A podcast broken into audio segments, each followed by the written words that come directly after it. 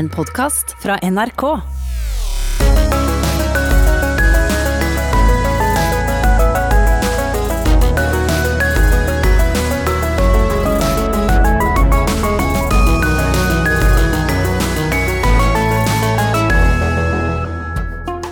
Han fronta fagforeninga til norske politifolk i 20 år og leia de uniformerte ut i streik. Hun har kjempa for rettene til norske frilansjournalister. Hvordan blir det nye norske arbeidslivet etter bråstoppen i arbeidsmarkedet? Den tidligere lederen i Politiets Fellesforbund, Arne Johannessen, og frilansforkjemperen Oddrun Midtbø er dagens gjester i campingstolen.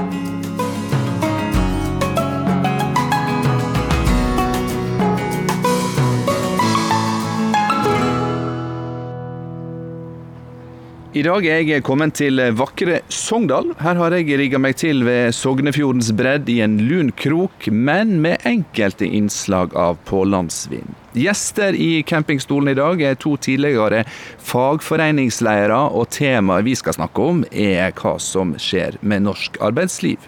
Oddrun Midtbø er tidligere leder for frilanserne i Norsk Journalistlag, og politisjef i Sogn og Fjordane, Arne Johannessen, han er for mange kjent som den tidligere profilerte lederen i Politiets Fellesforbund. I dag i uniform, altså ikke ennå i feriemodus, skal vi begynne med å finne ut hvordan er arbeidslivet for en politisjef, Arne Johannessen? Det er veldig variert, utrolig spennende. Jeg stortrives i rollen min, men det er klart det er en veldig stor overgang å komme fra å være forbundsleder og jobbe på et nasjonalt nivå, og så plutselig sitter med ansvaret og leie arbeidstakerne som jeg før var fagforeningsleder for. Stor omveltning, men veldig morsom. Men skjer det nok i Sogn og Fjordane på politifeltet til å, å holde en aktiv fyr som deg, hva skal vi si, tilfredsstilt? Et godt spørsmål. Jeg er nemlig sånn at for meg er alltid den jobben jeg har, og de rollene jeg har til enhver tid, de viktigste og mest spennende. Jeg er jo en del av ledergruppa i Vest politidistrikt, så jeg har jo et litt større fokus enn bare Sogn og Fjordane. Men ja, jeg stortrives. Oddrun Midtbø, vi skal snakke litt mer om frilanserne i samfunnet vårt, som har fått mye oppmerksomhet de siste månedene. Du har altså kjempa frilanserne i Norsk Journalistlag si sak lenge. Hva har kampen stått om for dere? Oi. I, ja, hvis vi skal ta helt nå i koronatid, så er det jo det at flere enn frilansere oppdager hvor på sidelinja vi er i, i velferdssamfunnet i Norge. At vi står helt uten trygghet i vår situasjon. Langt tilbake i tid så Jeg tenker, jeg vet ikke, hva perspektiv vil du ha? Vil du ha langt tilbake i frilanserne, så var vi jo sett på som en litt rølpete gjeng som ikke fikk jobb.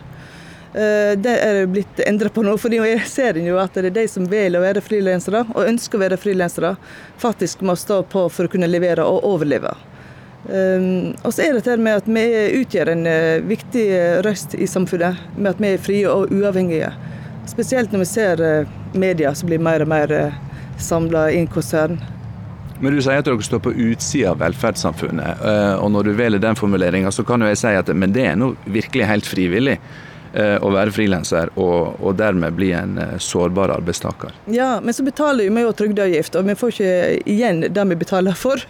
Så jeg tenker at de som nå sitter i ledelsen og i NJ, har i hvert fall opplevd nå i koronatida at flere blir oppmerksom på at det er fagforeninger som har langt igjen før at vi skal bli likestilt med andre. Og det er spesielt innenfor kunstnerorganisasjoner. Som flere fagforeninger har funnet hverandre på tvers. Så jeg tenker at det er blitt litt sterkere nå etter, i løpet av det halvåret som har vært. Vi skal, vi skal, se litt mer bakover før vi ser framover. Arne Johannessen, du var frontfigur for norske politifolk i mer enn 20 år. Hva vil du si fagforeningsmessig har vært den viktigste saka, eller det viktigste prinsippet? Jeg tror det er kampen for streikeretten for politifolk som vi vant fram med i 1993. Kanskje en av de største prinsipielle viktige sakene. Og så har det vært mye fokus på bemanning i norsk politi, for å få en bedre, mer lik andre europeiske land. Eh, så eh, ja, jeg tror nok det. Så har vi jobba mye med å bygge organisasjonen. Jeg var jo med bl.a. og eh, bygde Unio som en sterk hovedorganisasjon. Men det jeg husker mest tilbake, er nok kampen for streikeretten, som er veldig sånn grunnleggende og prinsipiell, også for politifolk. Det er jo mange som eh, hevder at eh, streikevåpenet det er utrolig gammeldags og har ingenting i det moderne arbeidslivet å gjøre. Eh, og det er også mange som mener at politifolk ikke bør eh, få lov til å streike. Hvorfor tviholder du så veldig på eh, den veldig gammeldagse eh, streikeretten? Nei, den er ikke gammeldags. Den er Den er for gammel? Ja, den er gammel, det er helt. Men det er ikke det at den er gammeldags. Det er et nødvendig virkemiddel for at du skal ha balanse mellom arbeidsgiver og arbeidstaker. Og når vi kjemper den fram, så var det jo bl.a. for å vise at demokratiske rettigheter og spilleregler i arbeidslivet også gjelder for politiet. For det er nemlig sånn at Politiet vi er demokratiet sine vaktere, og vi skal sørge for at andre får eh, sine retter. Ytringsfridom og demonstrasjonsfridom. Men at politiet ikke skulle ha det samme, det er veldig dårlig. Og det er iallfall gammeldags.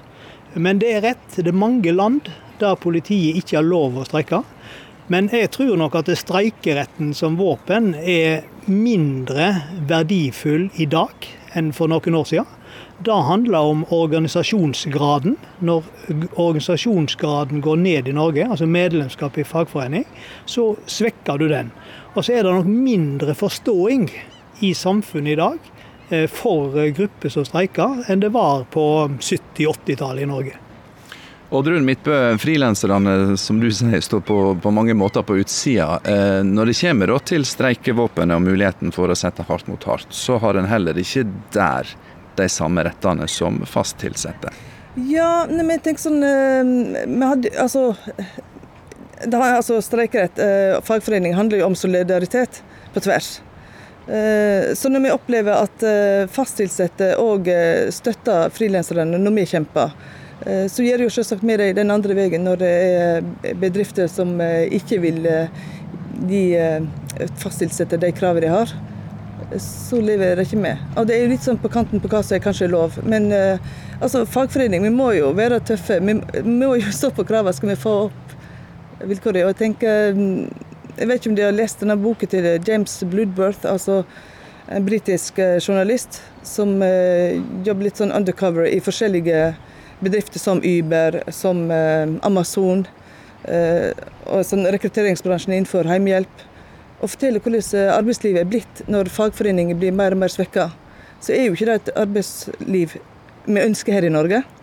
Men det er jo et stort paradoks her, fordi du Oddrun sier at eh, arbeidslivet har blitt tøffere. Eh, du er ikke den eneste som hevder det. Samtidig, Arne, som fagforeningsprosenten, som du kaller det, altså antallet fagforeningsorganiserte, går nedover. Ja. Hvordan henger dette i hop? Det er ikke lett å svare på, men du ser at det varierer litt fra bransje til bransje. Og du ser òg eh, tendenser til at når en bransje sliter, så går fagforhandlingsprosenten opp igjen. Der så du bl.a. i Norge under IT-krisa, eh, der mange mista jobb og var utsatt for det. Det var vel sånn rundt 2000-tallet, så vidt jeg husker. De var Nesten ingen av de var organiserte. og Så ble det tøffe tider, og da begynte de å melde seg inn i fagforening. Og Det ser du litt nå òg under korona. Eh, utrygghet rundt eh, jobben, da øker graden. Da vil de ha støtte av fagforening. Og Det er litt sånn typisk. Så lenge det går bra, og du klarer deg sjøl som individualist, da melder du deg inn i et kollektivt fellesskap. Men plutselig den dagen du trenger hjelp og støtte, da kommer de springende til fagforening. Så det er jo noe paradokser her, men jeg skjønner det jo. For at eh, er du en, i en yrke som på en måte du nesten forhandler for deg sjøl, og du er veldig basert på din kompetanse, og din kompetanse etter sport, så trenger du ikke fellesskapet. Men f.eks. innen offentlig sektor så er det kjempehøy organisasjonsgrad fortsatt. Politi, sykepleiere, lærere. Vi har jo svært høy. Jeg pleier å si når jeg var forbundsleder at eh, jeg vet navnet på de som ikke er medlem i Politiets Fellesforbund. Så høy grad hadde vi. Vi hadde langt opp på 97-98 Og det er det fremdeles. Du hører på To i campingstol, i dag med den tidligere lederen i Politiets Fellesforbund, nå politisjef Arne Johannessen, og Oddrun Midtbø, tidligere fagforeningsleder for norske frilansjournalister.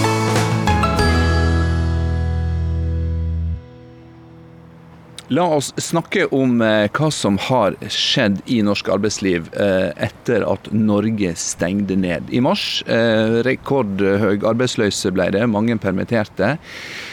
Mm, nå er jo ting i ferd med å komme tilbake til en slags normalitet. Men for Høyre, for dere to, hva endringer tenker det at den såkalte koronakrisa har skapt i norsk arbeidsliv? Oddrun først. Ja, og da, Hvis jeg skal svare for frilanserne, så eh, er det jo mange av dem som har heimekontor. Så eh, den situasjonen var jo ikke så stor forandring at de måtte hjem. Eh, men når de hører liksom andre klage over at de får litt sånn stiv nakke av å ha heimekontor, så blir det litt sånn parodisk. fordi at mange opplevde jo at fra en dag til neste så mister de alle oppdrag. Fotografer spesielt. 16.3 kom jo eh, regjeringen med en eh, kompensasjonsordning eh, som jo egentlig bra. Så det skulle liksom få litt støtte, de som mista jobbene sine, eller oppdraget sine. Og det var jo liksom belagt på det siste, inntekt de siste tre årene. Men så har det blitt endret underveis, at det er inntekt siste året. Så jeg vet mange medlemmer sliter veldig. Hvordan det vil bli framover, er vanskelig å vite. Jeg tror det har vært for avslørt at eh, Nav eh, må ha bedre kunnskap om hvordan det er å være selvstendig næringsdrivende og frilanser i Norge.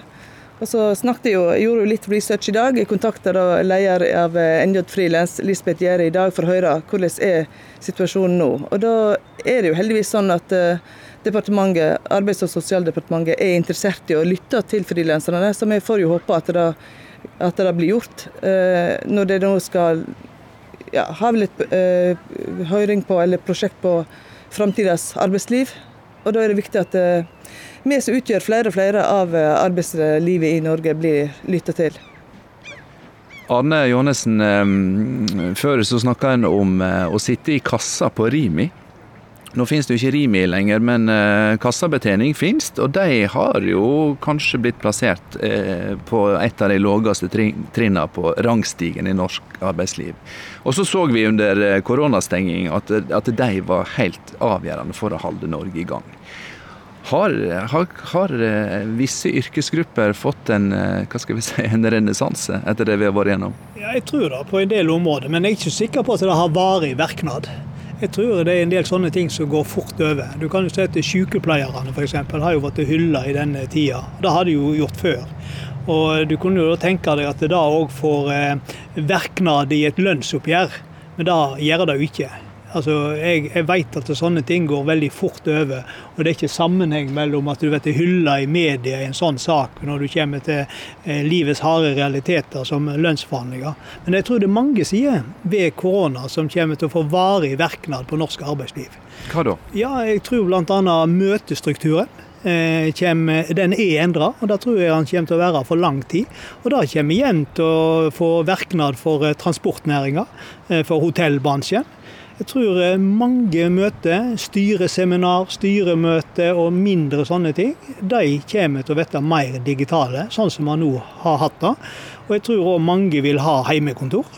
Det er mange arbeidstakere som er mer effektive på heimekontor enn å sitte i kontorfellesskap og bli avbrutt hele tida av eh, kollegaer. Så tror jeg kanskje òg at eh, en del vil kjenne på at jammen er jeg privilegert som har en jobb der jeg får lønn hver måned inn på kontoen min, i forhold til bl.a. frilanserne som Oddrun eh, representerer. Jeg har iallfall reflektert, og jeg har gjort det i lag med en del av mine kollegaer òg, og snakka om at det, ja, det er tøffe tider på mange måter, men du verden så privilegerte vi er som har fast jobb. Vi veit at det er bruk for oss. Og i staten Og i staten, ja. Det er bruk for oss. Sant? Og det kommer til å være det i overskuelig framtid. Så ja, jeg tror det er mange ting. Jeg tror bl.a. òg dette med organisasjonsgrad. Jeg tror når det er noe krise, så kommer òg fagforeninger i mange sektorer til å få en oppblomstring. Det er jeg nokså sikker på. Oddrun, du er jo en eh, distriktsrepresentant eh, bosatt i Sogndal som du er. Eh, med denne digitaliseringa av møtekulturen, så har du kanskje fått det litt lettere enn før? Ja, absolutt. Altså, jeg har jo delt lederansvar i, i Det europeiske journalistforbundet eh, for frilansekspertgrupper, som det. Og de møtes jo da to ganger i året i Brussel. Og da har jo jeg måttet reise dagen i forveien for å rekke noen timers møte. Nå skjer jo alt dette her digitalt. Og det har jo ført til at vi har hatt flere møter. At vi møtes oftere. Og jeg tenker at eh, klart Koronaen har vært vanskelig og tung for mange som er blitt eh, skikkelig hardt ramma, men jeg tror både folk og ikke minst klima og jordkloden har godt av denne pausen. Og så tegner jeg på liksom, Arne Johannessen. altså Jeg tenker, mm, jeg er litt, kanskje litt mer er ikke jeg optimist og litt sånn påståelig, men jeg, jeg tenker at her er en genuin sjanse for sykepleierne til å trumfe litt når lønnsforhandlingene kommer til høsten. Applaus, fint, men det må jo kunne stå på kravet nå. Tenker ikke du altså, innerst inne? Jeg, jeg, jeg, og selvsagt, og jeg håper det jo. De er jo tross alt Unio-medlemmer som jeg har forhandla for i mange år. Og jeg ønsker sykepleierne alt vel, men jeg vet livets harde realiteter i disse forhandlingene. Og jeg har mange ganger opplevd at nå er det den gruppa sin tur, nå er den gruppa sin tur. Men det har vært veldig lite materielt i det når du skriver protokoll. Ja. Men ja, Oddrun, jeg håper det. Ja. Og så kan vi jo eh, kanskje tro det. Jeg har tro på, fordi den nye altså Lill Sverresdatter Larsen tenker jeg ser ut som ei tøff dame. Så jeg eh, heier på eh, hun og sykepleierne. Men det har vært mange tøffe damer i Sykepleierforbundet opp gjennom tida, skjønner du. Så det har ikke stått på det. Du hører på sommerserien 2 i campingstol på NRK P2, i dag med den tidligere lederen i Politiets Fellesforbund, Arne Johannessen, og Oddrun Midtbø, tidligere fagforeningsleder for norske frilansjournalister.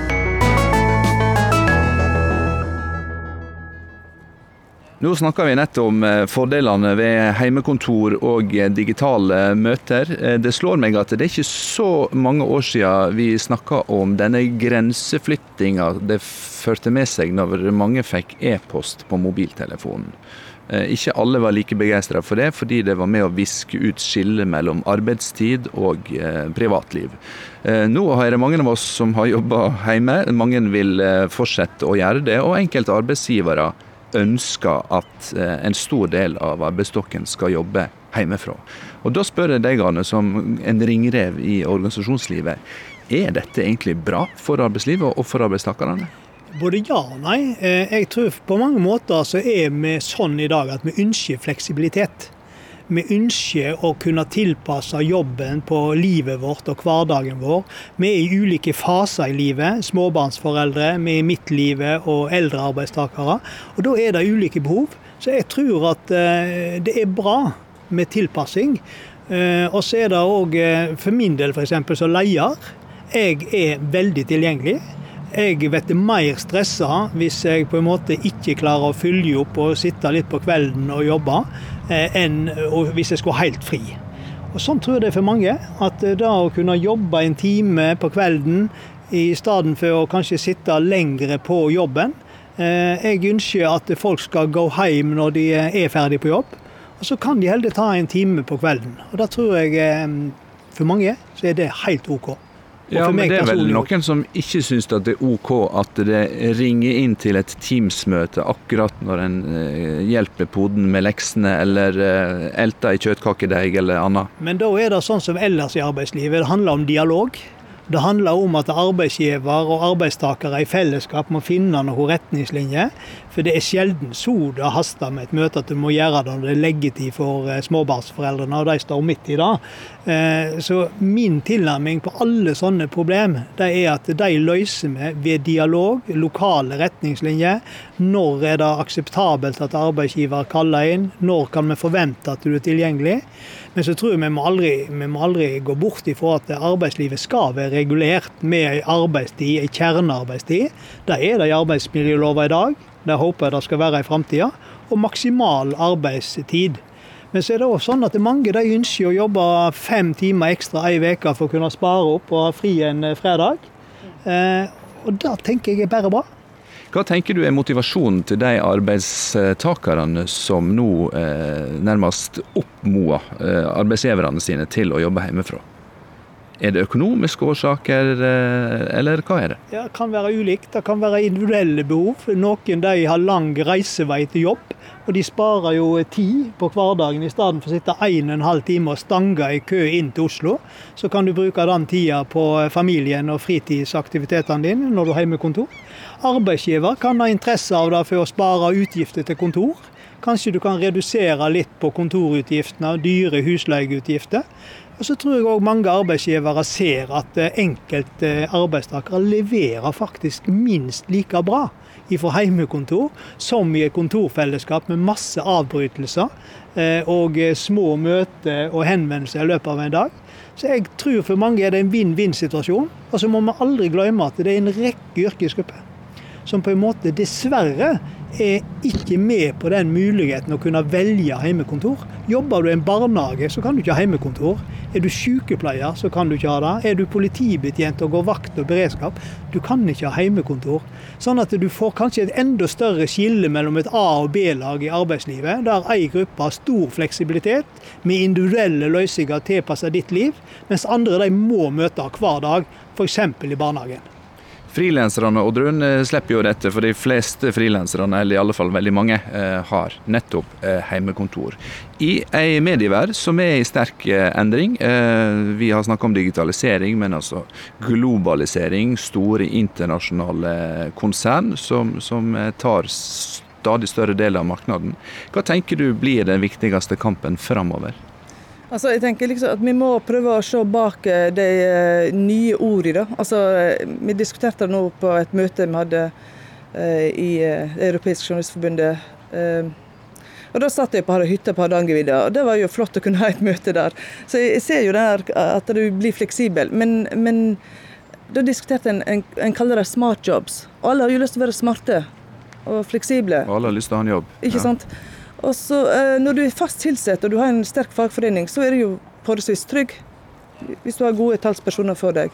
Men, men, de som da sliter med å Altså, de som vil være frilansere, de har jo valgt det. Men de som da egentlig ønsker å komme seg inn i en, i en jobb, og går hele tiden vikariat på vikariat på vikariat, strekker seg det, Altså, det er Og jeg tenker at det, det er så mye prosjektarbeid. Så jeg tenker en skal være virkelig oppmerksom på at ikke arbeidstakere blir utnytta nå framover. Samtidig så har jo politikerne ved den norske regjeringa lagt til rette for at en skal kunne ha kortere arbeidsforhold, bl.a. for at folk skal få en sjanse i arbeidslivet og vise hva de er gode for. Jeg tror ikke det er en dårlig idé. Og det ser du jo. altså, Jeg las jo nettopp nå i Journalisten, vårt eget fagblad. altså Det er jo folk som har hatt kanskje 13 vikariater, mellombels prosjektstillinger, i NRK. Så jeg tenker NRK absolutt alle burde gå før som et godt eksempel. Ehm, så altså, jeg tenker fagforeninger har absolutt sin plass i òg statlige virksomheter. Men en annen ting jeg kan si, da, eh, som var veldig bra for meg med det her digitale, det var jo eh, eh, Når jeg sitter her i Sogndal, så er det ikke så lett å reise alltid til Oslo for å dekke saker og ting. Koronaen gjorde jo at det åpna opp Oslo tingrett. Sender da linker ut til oss som på en del rettssaker der det ikke er så vanlig at frilansere eller journalister i hele tatt møter så gjorde, ga det meg et nytt arbeidsverktøy. Så det var positivt. Vi skal nå ikke snakke mer om arbeidsliv, vi skal tvert imot snakke om eh, sommer- og ferieliv. Når sommeren kjem, da blir det fint til fjells.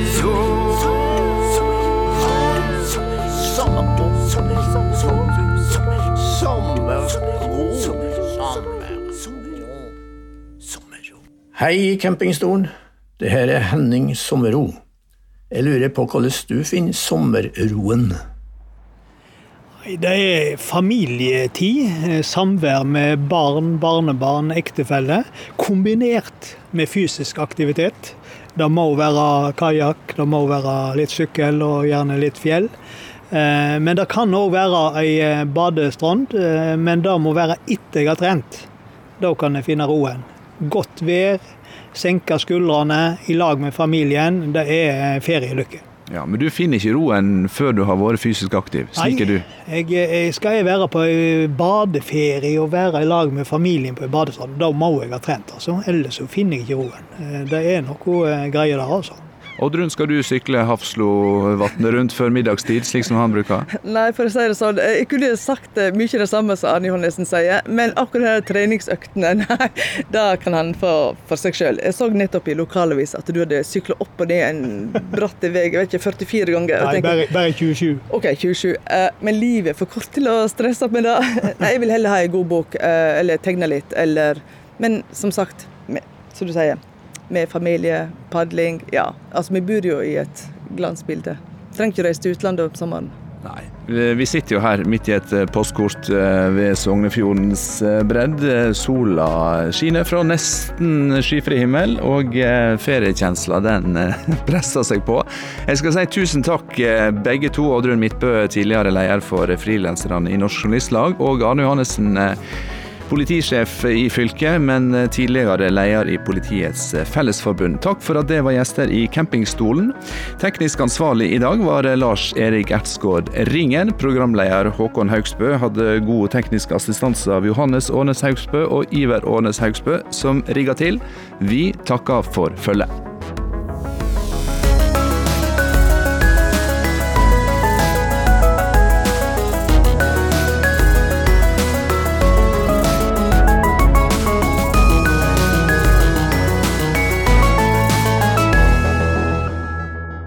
Hørt en podkast fra NRK. Hør flere podkaster og din NRK-kanal i appen NRK Radio.